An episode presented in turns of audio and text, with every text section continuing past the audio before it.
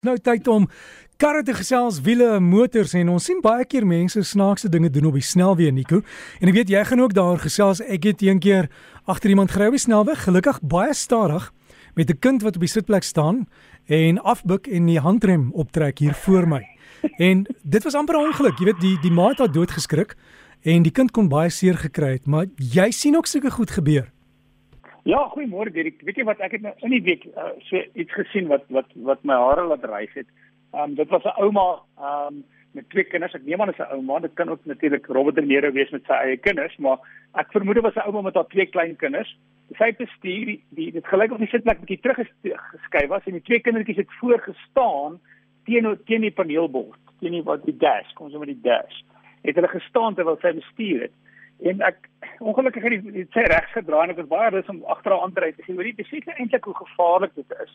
Uh hoekom is dit so gevaarlik? Want die eerste ding is selfs met 'n veiligheidsgordel, ehm um, sê karvervaardigers kinders uh, onder 12 moet agter sit. So selfs al het jy al die veiligheids uh, en die sitplek is redelik ver terug. En die rede daarvoor is die kragte wat die lugsak gebruik. 'n Lugsak kom uit teen om by 300 km/h en vinniger is wat jy jou oë knip. Ehm um, dit waar die lugsak ehm um, ehm um, uh, opgeblaas het en dadelik weer afgeblaas het uit 'n gewone gat in die, die passasierslugsak en die bestuurderslugsak. So die krag is ongelooflik baie. Ehm um, met dit ook ehm um, in 'n ongeluk is dit kan dit maklik kom ons sê 30, 40 in, in afhangende van die spoed selfs 50 keer jou liggaamsgewig wees by die by die ehm um, by die voertuig stop en al die diesel reis en hulle meer moet in gee. So kom ons sê dis 30 G's, 30 G's in Engels praat hulle van en as jou kind kom ons sê 20 kg weeg, is dit dan 30 keer sy liggaamsgewig um, wat dan vorentoe beweeg. So as jy net dit in ag neem, um, is die beste plek vir jou kinders of jou kleinkinders agter in 'n stoeltjie vasgegesp. Ek het dit al 'n hele paar keer ook ongelukkig gesien. Ehm um, weer eens net toevallig baie maal ek het vir soos oupa en ouma, dis nie net oupa en ouma nie. Ry voor bestuur, altyd veiligheidsgordels, kinders speel hardloop op en af of speel op en af in die sitplekke en dieselfde gaan gebeur. So asseblief neem verantwoordelikheid wanneer jy bestuur. Ehm um, van die kinders of die klein kinders en baie maal sal sê, weet jy wat, hulle stout of hulle raas of hulle huil, wat ook al die verskoning, dit is nie goed genoeg nie.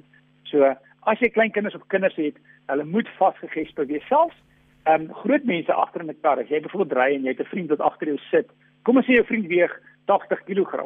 Ehm um, en 'n ongeluk wanneer jy voertuig dan in 'n ander voertuig vas ry of stop, gaan hy dan daai 80 kg, kom ons sê dis net 40 keer sy liggaamsgewig of 30 keer sy liggaamsgewig. Dit is nogal 'n redelike massa wat vorentoe beweeg in jou stoel in. So vir jou eie veiligheid ook is dit definitief jy moet werd om seker te maak dat nie net die a, a, mense voor nie, maar ook die mense agter hulle veiligheidsgordels dra. Dis verseker jy moet werd ehm um, ja, vir veiligheid hier. Ek het ook vinnige ander vrae gehad. Ehm um, iemand het my gesê, weet jy wat Hulle ry in in, bakkies en in in die in die bakkies, kom ons sê 4x4 tipe voertuie. Hoekom ry die die die die die die ander voertuie soveel gemakliker as jy voor die bakkie tipe vat? Kom ons sê neem 'n voorbeeld soos 'n Fortuner en jy vat uh, iets soos 'n Kia.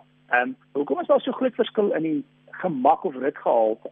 En dit gaan 'n groot gedeelte van dit natuurlik is die onderstel en die bande het alles invloed, maar ook die tipe ehm um, onderstel konstruksie maak 'n verskil want daar's twee basiese tipes. Een is 'n leerraam tipe. Dis wat ons baie bakkies kry. 'n uh, Leerraam is baie goed vir 4x4, leerraam is baie goed vir gewig dra, maar um, en is 'n baie maklike konstruksie. Maar hy het nie baie goeie wringsterkte nie. Met ander woorde, as jy wringsterkte soos wat jy met 'n handdoek doen, as jy een hand links dra en die ander hand regs dra om die water uit 'n handdoek uit te draai. Dis nie baie goeie wringsterkte nie want jy kan baie maklik daai handdoek draai. As jy kyk na in Engels praat hulle van baie maal monohull of monocoque, dis 'n tipe konstruksie wat aanvanklik gebruik is vir vliegtye en skepe. En die hele onderstel is een raam. En wat daar is die wringsterkte baie goed en baie ehm um, dis baie moeiliker om om daai daai aksies van links en regs teenoor mekaar te draai in so tipe ehm um, voertuig. En so as gevolg van dit is die konstruksie baie sterk. En dit beteken ook vir veiligheid en 'n ongeluk is daai daai tipe konstruksie baie beter, maar dit het ook dan 'n uh, verskil in die ritgehalte jy het gemaak en selfs die klank wat jy hoor in die voertuig. So dis die basiese rede hoekom daar so groot verskil is in iets wat soos 'n bakkie is teenoor iets wat meer soos 'n SUV of uh, meer soos 'n kar gaan ry. Ons so gesels Nico Smit alles oor karre en wiele. Jy kan vir Nico kontak, e-pos hom wiele by rsg.co.za met jou vrae en dan kan ons dit op die lug bespreek. Is wiele by rsg.co.za.